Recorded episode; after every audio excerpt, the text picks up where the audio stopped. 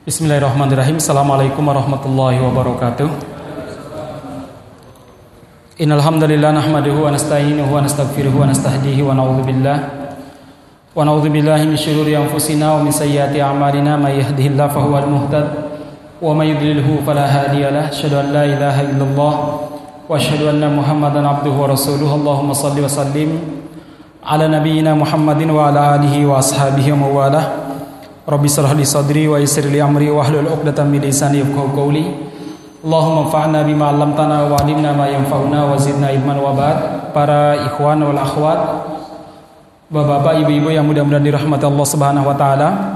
Alhamdulillah di kesempatan malam ini kita dimudahkan oleh Allah Subhanahu wa taala untuk kembali duduk bersama mengkaji sejarah Nabi kita Muhammad sallallahu alaihi wasallam, mengkaji satu persatu sikap bijak Nabi Muhammad SAW dalam berinteraksi, berkomunikasi dengan siapa pun di sekitar beliau.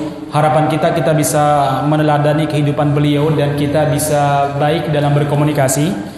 Karena pada hakikatnya inti daripada sebuah hubungan adalah komunikasi itu sendiri. Baik jemaah sekalian, kita masih di kajian bagaimana Nabi Muhammad SAW menjadi tamu. Ya, bagaimana Nabi Muhammad Sallallahu Alaihi Wasallam uh, maaf uh, menerima tamu dan bertamu ya. Baik, uh, kita masuk pada poin wakana yakrumu doifahu yukrimu doifahu wa inkana kafiron. Nabi Muhammad Sallallahu Alaihi Wasallam adalah orang yang sangat menghormati tamu walaupun tamu tersebut orang kafir yang tidak beriman kepada beliau yang menolak dakwah Nabi Muhammad Wasallam kekafiran mereka tidak menghalangi Nabi Muhammad SAW untuk menerima dan memuliakan mereka karena posisi mereka sebagai tamu bukan sebagai orang kafir. Nah, masalah muslimin ini diceritakan oleh sahabat Abu Hurairah radhiyallahu anhu. Beliau mengatakan suatu waktu Nabi Muhammad sallallahu alaihi wasallam dikunjungi oleh orang kafir, bertamu ke rumah Nabi Muhammad sallallahu alaihi wasallam. Lalu apa yang dilakukan oleh Rasulullah sallallahu alaihi wasallam Nabi Muhammad uh, meminta kepada salah seorang sahabat untuk mengambil kambing beliau yang apa namanya yang sedang menyusui. Kemudian dibawalah kambing besar, kemudian susunya penuh dengan air susu. Lalu Rasulullah Shallallahu Alaihi Wasallam memerahnya sendiri. Jadi yang memerahnya bukan sahabatnya. Beliau bersihkan, beliau baca Bismillah, beliau memerah sendiri satu mangkok begitu lalu diberikan kepada orang kafir tersebut sebagai tamunya, dia minum sampai habis. Diperah lagi oleh Rasulullah Sallallahu Alaihi Wasallam, kemudian disuruh minum lagi, habis juga. Kemudian diperah lagi oleh Rasulullah Sallallahu Alaihi Wasallam, dikasih minum, habis juga aja mas kalian, sampai tujuh mangkuk habis. Ini perut luar biasa nih. Ya, tujuh mangkok. Kita satu gelas susu udah kenyang pak ya? Ya satu gelas susu udah kenyang. Ini berapa? Tujuh jemaah sekalian. Tujuh mangkok.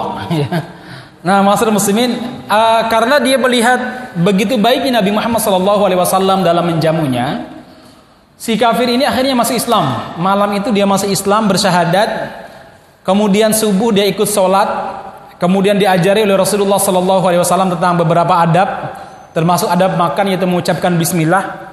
Pagi harinya Rasulullah Shallallahu Alaihi Wasallam memerah susu yang sama, kambing yang sama, dengan mangkuk yang sama. Kemudian uh, Rasulullah Shallallahu Alaihi Wasallam menyuruh dia untuk meminum, dia pun minum. Kemudian diperah lagi, diberikan lagi mangkuk kedua, dia mengatakan saya sudah kenyang ya Rasul. Kok bisa ya? Kemarin saya tujuh mangkuk baru merasa kenyang, sementara hari ini saya cukup satu mangkuk udah kenyang katanya. Apa kata Rasulullah SAW? Al-mu'min yashrobu fi mi'an wahidin. Mukmin itu kalau minum cukup satu mangkok, udah cukup bagi dia. Wal kafir, sementara orang-orang kafir, orang kafir yashrobu fi sabati am'a. Mereka minum dengan tujuh usus. Jadi ususnya harus diisi semua ya.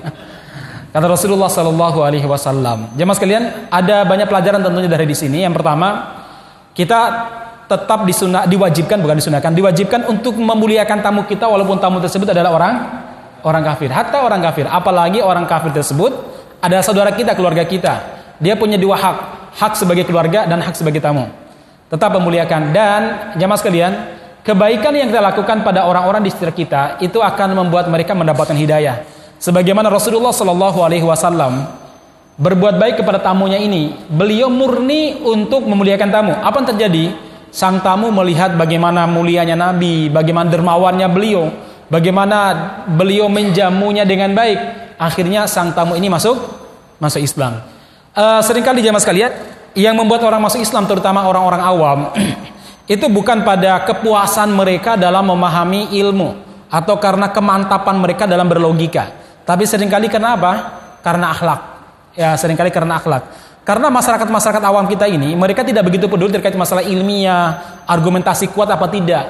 Mereka pedulinya bagaimana dengan akhlak kita saat kita bersama dengan mereka, saat kita membangun hubungan dengan mereka. Itu yang dipedulikan oleh masyarakat kita. Anda lihatlah, masyarakat di sekitar kita ini mana peduli yang namanya dalil, yang mana, mana peduli namanya yang benar yang mana, yang salah yang mana. Yang penting bagaimana bukti nyata yang mereka lihat. Oh, kelihatannya masuk gorong-gorong, orangnya suka senyum, dan sebagai baik kata mereka. Walaupun mungkin bukan mungkin lagi hari ini apalagi tadi siang kita diskusi. Ini saya berdiskusi nggak sempat bawa kopiah ya. Ya bahwa kita melihat bahwa undang-undang haluan ideologi Pancasila demikian juga undang uh, BPIP ini menjadi garda terdepan dalam melakukan kudeta konstitusional karena mereka mau merubah undang-undang yang dulunya cuma dua tahun masa presiden, jabatan presiden, sekarang mau diubah dengan apa? Tiga tahun. Ini kalau bahasanya uh, salah seorang profesor yang bersama dengan kita tadi eh, kemarin, ini namanya kudeta konstitusional ya. Ini kudeta konstitusi. Ya. Nah, masalah muslimin yang mudah-mudahan rahmat subhanahu wa taala, masyarakat nggak begitu peduli mau kudeta konstitusi, mau undang-undang diubah apa tidak, yang penting BLT datang terus tiap bulan, kan begitu. Ya, yang penting orangnya ditampilkan sebagai orang yang sederhana yang dulu ketika masa SBY si perempuan itu menangis gara-gara BBM naik ya. Sekarang masyarakat teriak gak peduli gitu ya. Itu loh yang ada sayapnya itu. Nah masyarakat muslimin yang mudah-mudahan dirahmati subhanahu wa ta'ala cari aja di youtube ya. dia nangis dulu pada zaman SBY ketika ada apa? Kenaikan BBM sekarang mana peduli zaman sekalian Baik, tapi masyarakat nggak begitu peduli masalah itu. Masyarakat itu taunya bagaimana keseharian mereka, bagaimana mereka dilayah, dilayani. Walaupun sebenarnya itu haknya mereka, walaupun pada hakikatnya itu sebuah bentuk pemiski, pemiskinan. Nah, masalah muslimin yang mudah-mudahan dirahmati subhanahu wa taala, ini penting ya Mas kalian. Mempergauli manusia dengan akhlak yang baik. Salah satu nasihat yang sering disampaikan oleh khotib Jumat, termasuk tadi mungkin kalau Anda nggak ngantuk ya, khotib mengatakan ittaqillaha haitsu makunta wa'ad bi sayyata al hasanata tamhuha. Terus yang terakhir apa? Wa khaliqin nas bi khuluqin hasanin. Pergaulilah manusia dengan akhlak yang baik, akhlak yang baik. Masya Allah orangnya masuk Islam. Banyak cerita orang masuk Islam karena akhlak. Karena apa? Karena akhlak. Uh, jemaah sekalian, saya pernah baca sebuah berita di Eropa itu ada seorang tukang tukang cuci apa namanya punya laundry begitu itu masuk Islam gara-gara celana dalam. Ajaib kan ya? Masuk Islam gara-gara apa? Celana dalam. Bagaimana ceritanya? Jadi dia laundry pakaian para mahasiswa para pekerja di apa di villa di villa apa namanya? Ah apartemen ya di apartemen tersebut. Yang menarik adalah apa? Ketika dia melaundry pakaian-pakaian anak-anak muslim ya pakaian anak muslim terutama mungkin pakaian dalamnya itu cukup beberapa apa namanya beberapa takaran deterjen beberapa uh, apa sendok deterjen. Itu bisa bersih wangi. Kemudian ya bersih lah. Sementara kalau anak-anak non muslim itu butuh sekian sendok supaya bisa wangi. Dia heran ada apa sebenarnya? Dan pakaian anak-anak muslim ini masih ba, masih ya nggak begitu bau lah ya tapi anak-anak non muslim ini bau kotor. Dia cari tahu ternyata apa? Dijelaskan oleh anak-anak muslim ini kalau mereka itu punya syariat namanya toharoh. Ya. Toha, toharoh ya. Mandi minimal sekali sepekan. Kalau nggak junub, yaitu mandi jum, mandi Jumat. Kalau orang Eropa pada musim dingin itu mandinya biasa sekali sebulan tuh. Betul ya? Saya pernah di Turki itu pada musim dingin. Itu mereka mandinya cuma sekali sepekan. Itu pun mandi apa? Mandi Jumat. Iya. Kalau kita orang Indonesia nggak bisa ini ya. Kita masak air walaupun musim dingin, terus man mandi walaupun saya itu demam. Iya. Karena kita nggak terbiasa ya. Walaupun sebenarnya nggak keringat. Nah, masalah muslimin uh, satu ya. Yang kedua, kita ada sunnahnya, bukan sunnah, ada keharusan ketika selesai buang air besar ataupun air kecil, kita disunahkan untuk mencucinya. Sunnahnya sebenarnya loh ya, satu dengan benda padat seperti tisu ataupun batu, kemudian disambungkan dengan a dengan air. Seharusnya begitu kalau apa namanya bersihnya. Tapi sekarang kan sudah ada ganti ada sabun dan lain sebagainya. Nah, masalah muslimin sementara orang-orang Eropa mereka cebokan nggak? Enggak. Cukup pakai cukup pakai tisu di dua tiga kali ya wes taruh ya. Kebayang guys bagaimana baunya? Iya. bagaimana kotornya dan bagaimana menjijikan dan gilaninya? Iya. Sangat ini jamaah sekalian. Ya bedanya kita dengan orang-orang non muslim. Akhirnya orang masuk Islam gara-gara itu toh, gara-gara apa? Akhlak. Saya uh, beberapa tahun yang lalu pernah baca bagaimana seorang uh, model papan atasnya Amerika Serikat itu masuk Islam yang biasa di apa tuh City Walk atau apa tuh ya. Itu masuk Islam gara-gara apa? Gara-gara Godud Basor. Yaitu apa? Ada cerita seorang pekerja dari Arab dia tinggal di Amerika sana. Nah ini tetangga ya tinggalnya dekat lah sama usaha miliknya si artis ini. Ya jualan dia jualan apa saja lah mungkin buka kafe atau apa. Nah setiap uh, yang belanja dia heran, yang keluar belanja itu suaminya, bukan istrinya. Sementara di Eropa, laki perempuan bisa biasa aja belanja apa dan sebagainya. Yang kedua, yang buat dia heran, ini diperhatikan sama ownernya ini seorang artis, yaitu apa? Setiap kali dia menatap, dia selalu menundukkan pandangannya. Ya sesekali natap terus menunduk pandangannya. Akhirnya sang artis ini bertanya, e, Mas, kenapa kamu nggak melihat saya? Di saat laki-laki lain mencuri-curi pandang sama saya, kamu malah menundukkan pandangan. Apa saya kurang cantik? Oh saya cantik sekali gitu nih. Kemudian uh, sang laki-laki mengatakan, justru kamu cantiklah saya tidak melihat. Ya kenapa? Dia cerita terkait bagaimana adab seorang muslim dengan se dengan uh, wanita diceritakan panjang lebar. Dia tertarik. Akhirnya ke rumahnya ngobrol bersama istrinya dan subhanallah akhirnya dia masuk masuk Islam yang dulunya hampir nggak punya pakaian kalau berjalan tertutup rapi jamaah sekalian. Gara-gara apa? Tadi Godul Basar toh. Dan subhanallah dia melamar menjadi istri kedua orang tersebut. Mas-mas jangan kebayang masalah itu ya. Tapi bagaimana apa namanya? Bagaimana tadinya ya Godul Basarnya? Ya wajar ya. Uh, apa namanya? Itu balasan dia menahan diri dari yang yang haram. Akhirnya Allah memberi yang ha, memberi yang halal jamaah sekalian. Nah ini sangat sangat sangat terkenal ceritanya. Mungkin anda bisa cari di internet itu ada cerita terkait masalah itu. Nah masalah muslimin yang mudah-mudahan dirahmati subhanahu wa taala masalah akhlak, hal-hal yang remeh kemudian membuat orang bisa masuk bisa masuk Islam. Itu yang kedua. Yang ketiga jamaah sekalian tentang uh, keberkahan makanan. Jadi seorang muslim sebenarnya orang yang paling berkah dalam masalah urusan makan.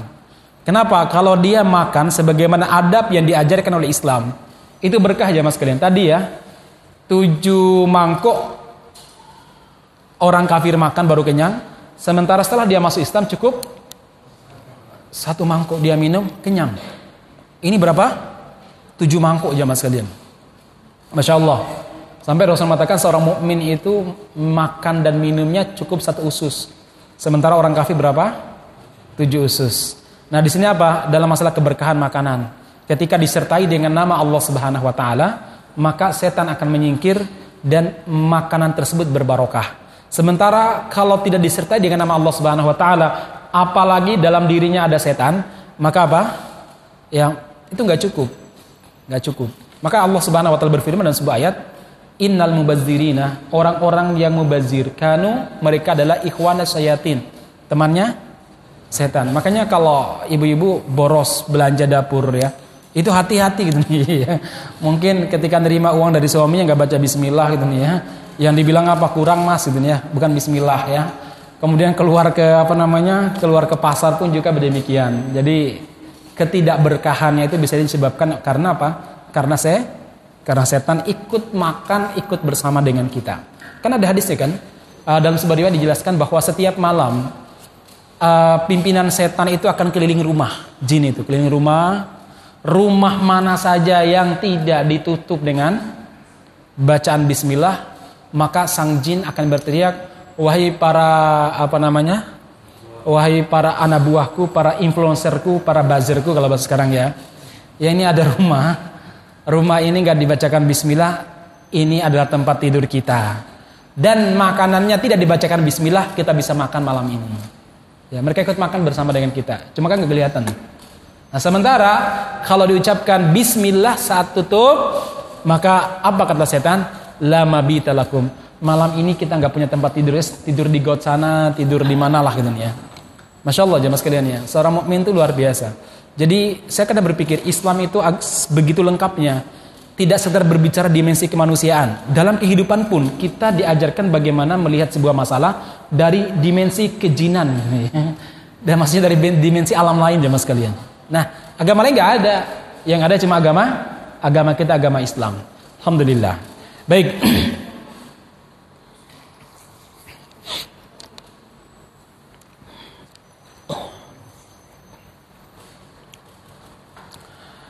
uh, disebutkan di sini oleh Imam uh, siapa namanya ini dalam syarah muwatta begini al mu'minul hakiki yaktasiru alal bulgoh minal kut wa yakna'u bil yasir. Wa yu'thiru bi ba'di quwwatihi. Wal kafir ala khilafi dhalik.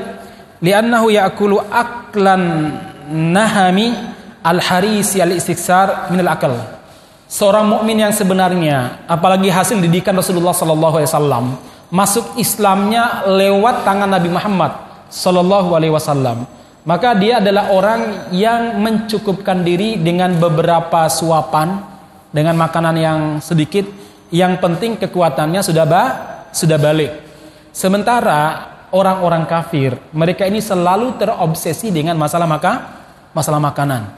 Jadi dari bangun tidur sampai tidur lagi itu masalah ma masalah makan. Uh, jemaah sekalian, di antara perbuatan yang sangat dibenci oleh para salaf adalah apa? Berlebih-lebihan dan serius masalah makan. Ya. Ini kayaknya kita semua kena ini ya. Ya, kira-kira lauknya apa di list ya. Kira-kira nanti malam makan di mana gitu ya. Iya. di list ya, kayaknya kita kena ya. Kalau para sahabat dulu dan para salaf sekali lagi ya mereka adalah orang yang menganggap enteng dan tidak memperbesar-besar masalah ma masalah makan. Kalau kita yang paling besar masalah makan. Seringkali urusan menjadi besar gara-gara ma gara-gara makan. Ya, ini kita ya, gara-gara kurang garam akhirnya sang suami bentak istrinya. Gara-gara apa gitu ya. Masalahnya masalah-masalah kayak gitu, hal-hal yang remeh jamaah sekalian. Baik, masalah muslimin ini poin yang berikutnya. Sekarang kita masuk uh, kisah yang berikutnya.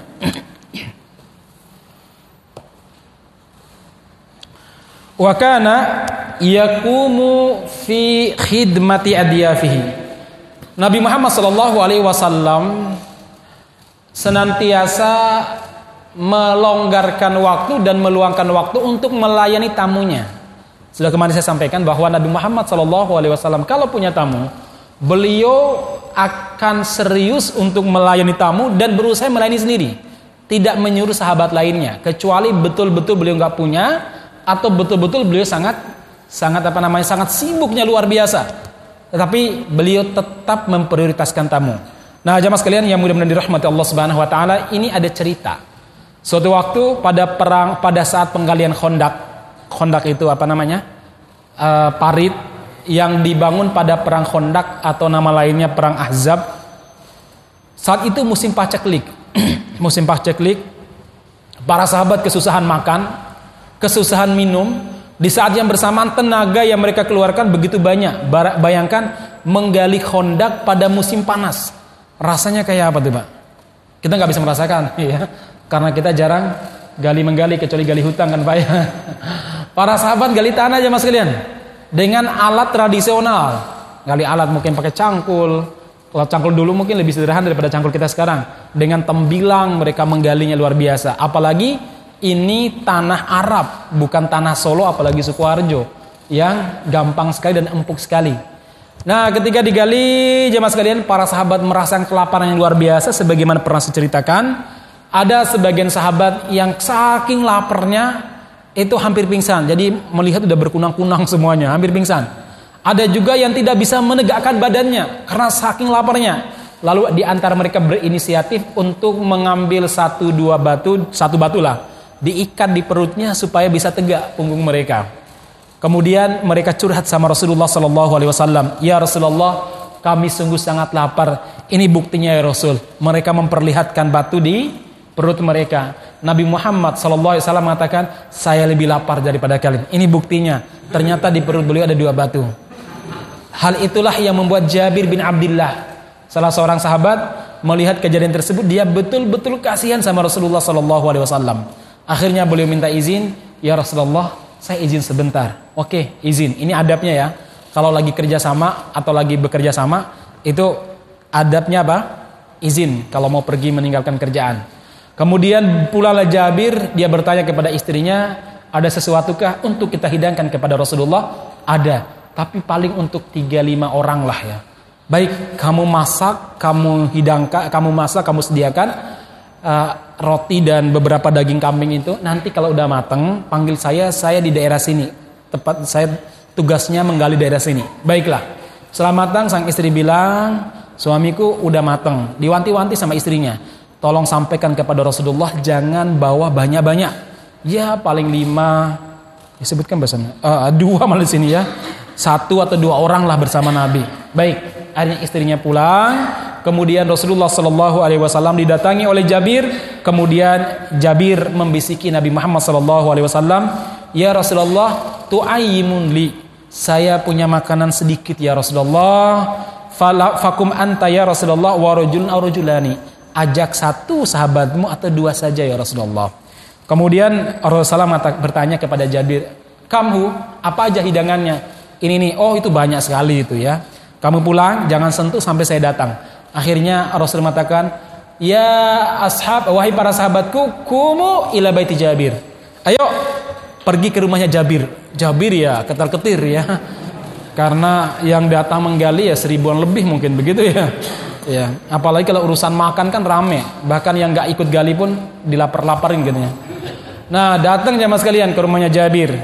Kemudian uh, istrinya bilang sama Jabir, "Wahai haki, Ja'an nabiyyu bil muhajirin wal ansar wa man ma'ahum. Kamu nih gimana? Itu nabi yang datang sak gudang orang. Orang ansor datang, orang muhajirin juga. Bahkan ya tadi saya bilang, yang bukan muhajirin sama ansor juga ikut. Ya mungkin ada orang di pasar ikut datang ya. Pas lagi musim paceklik. Ya, lagi musim paceklik jemaah sekalian. Akhirnya kemudian uh, apa namanya? Uh, istrinya tanya sama Jabir, apakah Nabi memberikan kode khusus? Iya. Beliau mengatakan jangan sentuh sampai Nabi yang menyentuhnya. Baiklah. Akhirnya makanan ditutup. Rasulullah SAW pun datang. Kemudian beliau berdoa. Sehabis berdoa beliau letakkan daging sama roti di atas. Kemudian beliau belah sendiri, daging letakkan sendiri dipanggil satu persatu dikasih sama Nabi. Ya, antri ya. Seribuan lebihnya mungkin antri.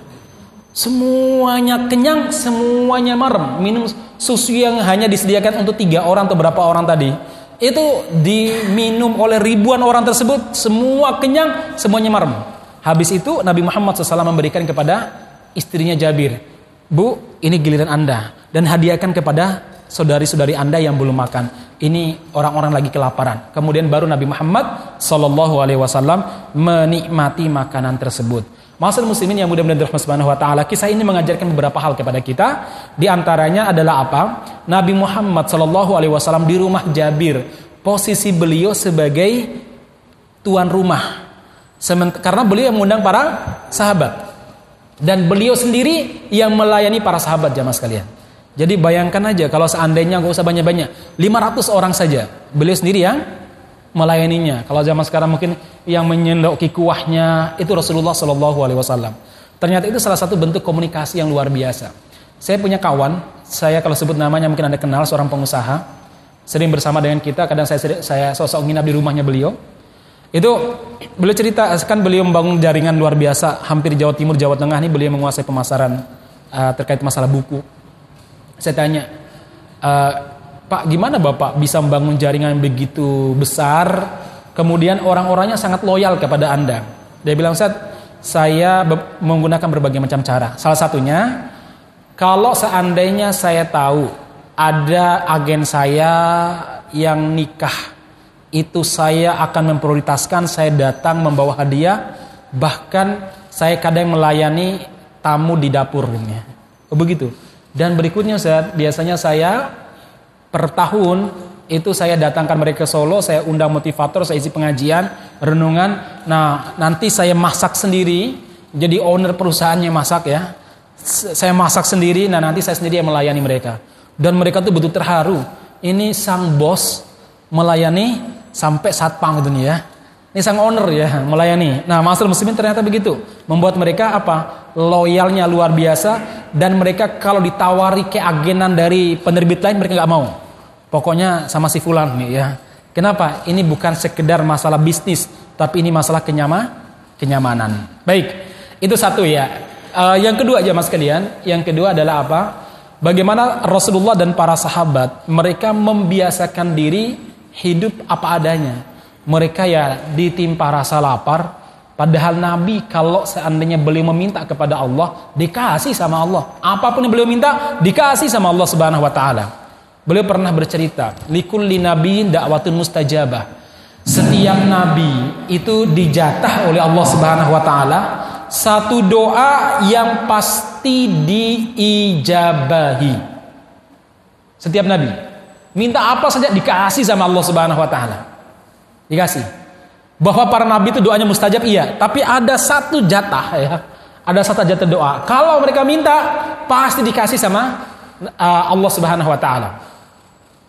Kemudian fata'ajjala kullu nabiyyin bidakwatihi. Semua nabi dari Adam sampai Isa telah memakai doa tersebut.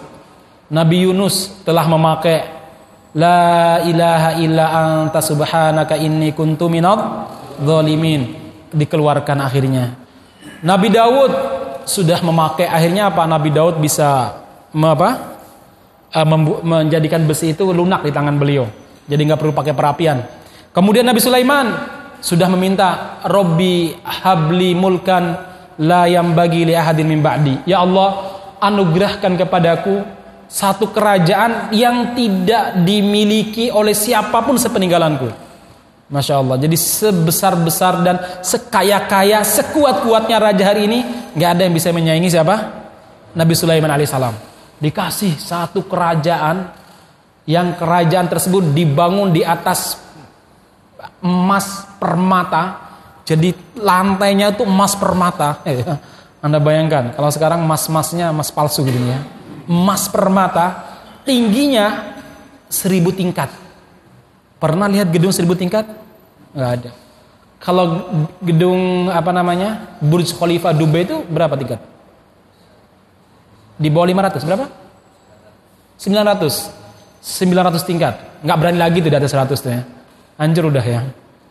Yang iklannya kalau kita di tingkat atas nengok ke bawah, yang dilihat awan. Anda bayangkan, seribu tingkat, nggak pakai lift, kecanggihan teknologinya, cukup pakai angin. Jadi nggak ada istilah macet, nggak ada istilah listriknya, eh, listriknya apa? Mati, nggak ada istilahnya liftnya apa kayak ke Jakarta kemarin tuh jatuh ya, banyak meninggal itu ya. Nggak nggak nggak ada Pakai angin jamaah sekalian. Udah begitu, mampu berkomunikasi dan menguasai seluruh makhluk kecuali malaikat. Jin dikendalikan oleh Nabi Sulaiman alaihissalam. Hatta semut dikendalikan. Jadi kalau Nabi Sulaiman ngomong, semut datang kepada si fulan yang korupsi 17,5 triliun itu. Masuk ke telinga dia misalkan ya. Wong cuma di, di penjara berapa? Fonisnya 4 tahun toh. Jangan, jangan ya. Udah begitu masih merasa didolimi tuh. Alasan jaksanya apa?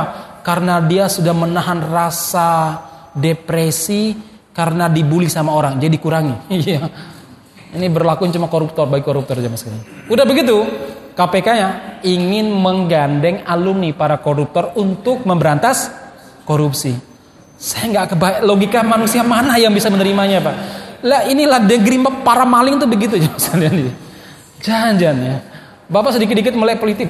Nonton itu saya kadang anyel kita ini ya. Lah para maling loh ya.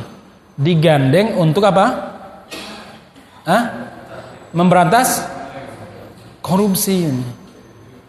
Terus koruptor diganti nama, para maling diganti nama, namanya penyintas apa namanya? Penyintas korupsi. Betul ya? Kalimat terbarunya apa dari KPK? Penyintas ya. Penyintas artinya apa? Korban korupsi.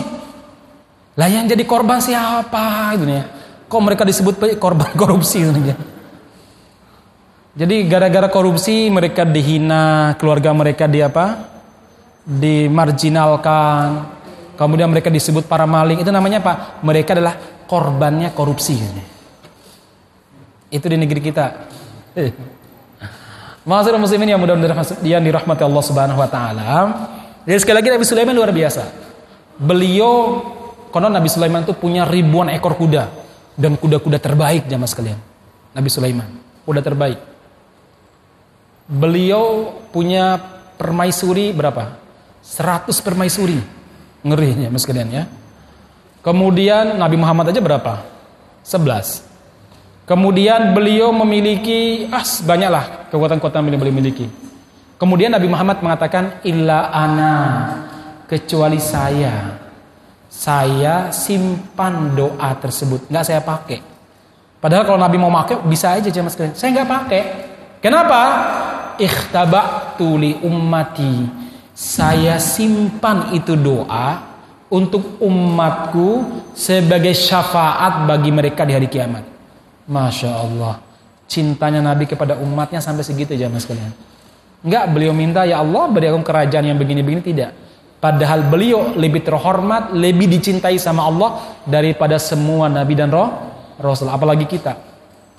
Tapi beliau nggak gunakan itu doa. Beliau simpan untuk umatnya. Kita aja mas kalian, insya Allah. Nah, uh, itu yang pelajaran uh, pelajaran keberapa? Pelajaran yang kedua ya. Uh, pelajaran yang berikutnya uh, jamaah sekalian adalah apa? Bagaimana mukjizat Nabi Muhammad Shallallahu Alaihi Wasallam. Di antara mukjizat beliau adalah apa? Memperbanyak makanan atau minum minuman. Ini mukjizatnya Nabi. Ya, mukjizatnya Nabi luar biasa memperbanyak makanan dan minuman itu pun bukan untuk kepentingan pribadi beliau tapi untuk para sahabat. Untuk siapa? Untuk um untuk umatnya. Ya. tadi makanan yang cukup untuk lima orang ternyata cukup untuk seribu lebih. Ini mukjizat Nabi. Mukjizat Nabi Muhammad Shallallahu Alaihi Wasallam. Ada banyak cerita terkait masalah bagaimana mukjizat Rasulullah Shallallahu Alaihi Wasallam.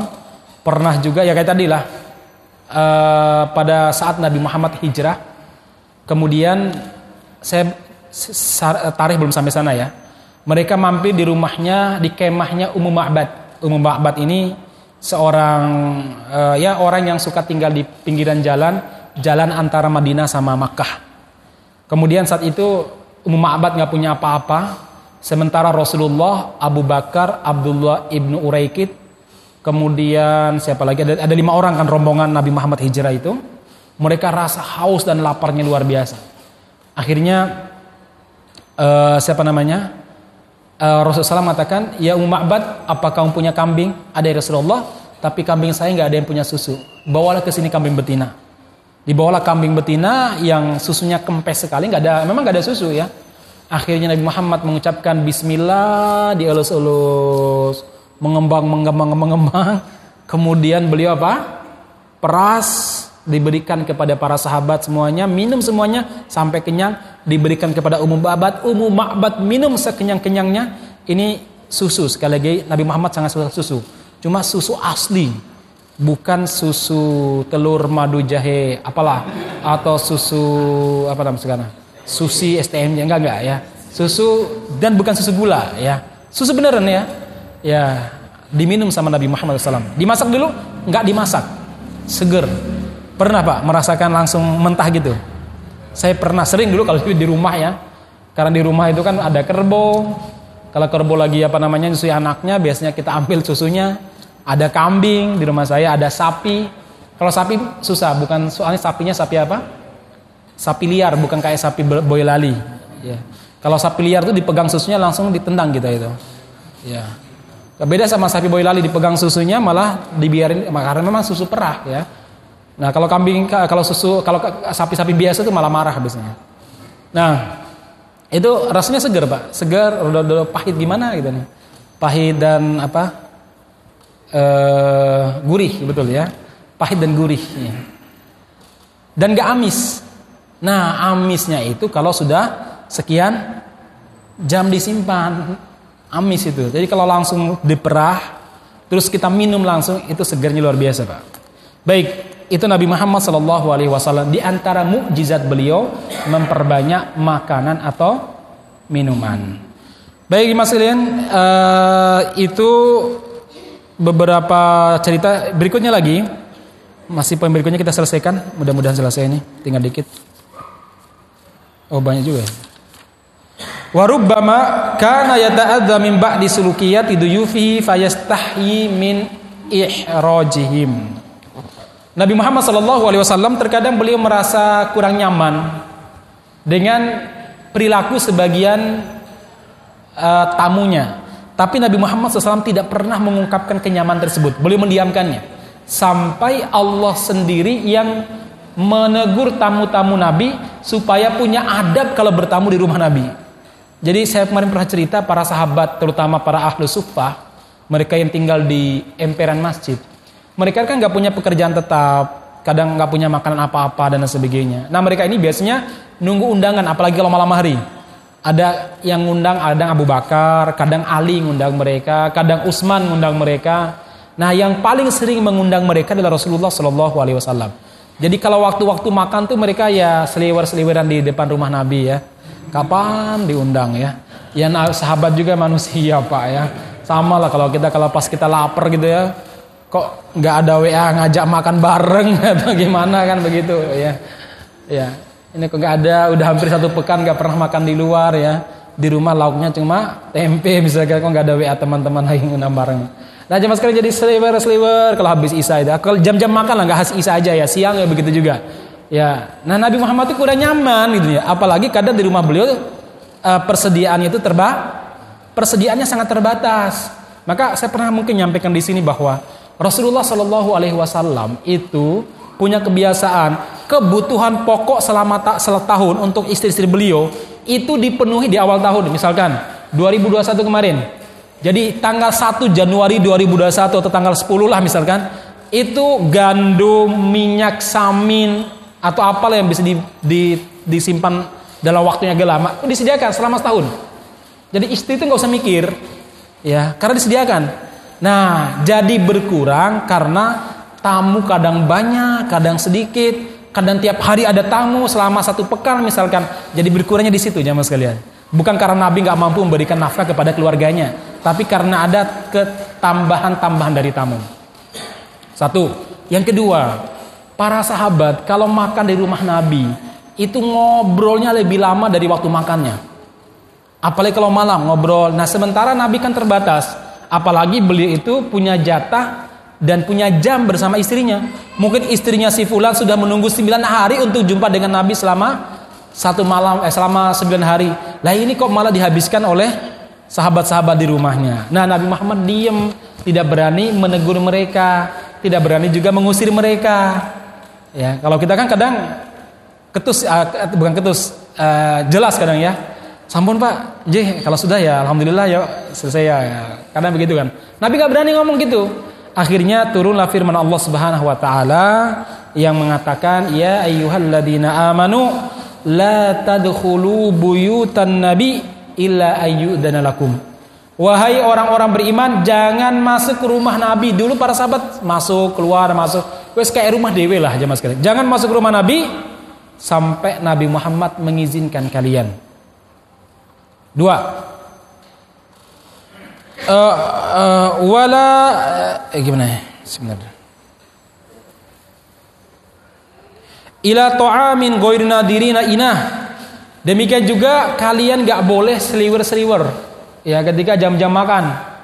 Ya kecuali Ya kalian ida du'itum fadkhulu. Kalau dipanggil, diajak, diundang baru masuk. Fa idza tu'imtum kalau kalian segera makan eh kalau kalian telah selesai makan fantashiru wala musta'nisina li hadis maka segera keluar pulang jangan memperpanjang obrolan di rumah Nabi. Inna dzalikum kana yu'din nabi. Karena perbuatan-perbuatan tadi itu membuat Nabi tidak membuat Nabi tidak nyaman menyakiti Rasulullah fayastahyi minkum. Nabi pun malu untuk menjelaskan kepada kalian. Wallah sementara Allah la yastahyi minal haq tidak akan pernah malu menyampaikan kebenaran. Nah semenjak saat itu para sahabat tidak lagi tadi jalan mondar mandir di depan rumah nabi. Tidak juga mereka ini. Kalau diundang makan habis makan mereka langsung pulang tidak lagi melanjutkan pembicaraan ngobrol sana kemari Baik jemaah sekalian, ini sekali lagi Nabi Muhammad Shallallahu Alaihi Wasallam untuk menjaga kenyamanan tamu sampai-sampai beliau itu malu untuk menjelaskan kepada tamu bahwa beliau punya kebutuhan ataupun hajat. Baik jemaah sekalian, uh, yang mudah-mudahan dirahmati Allah Subhanahu Wa Taala.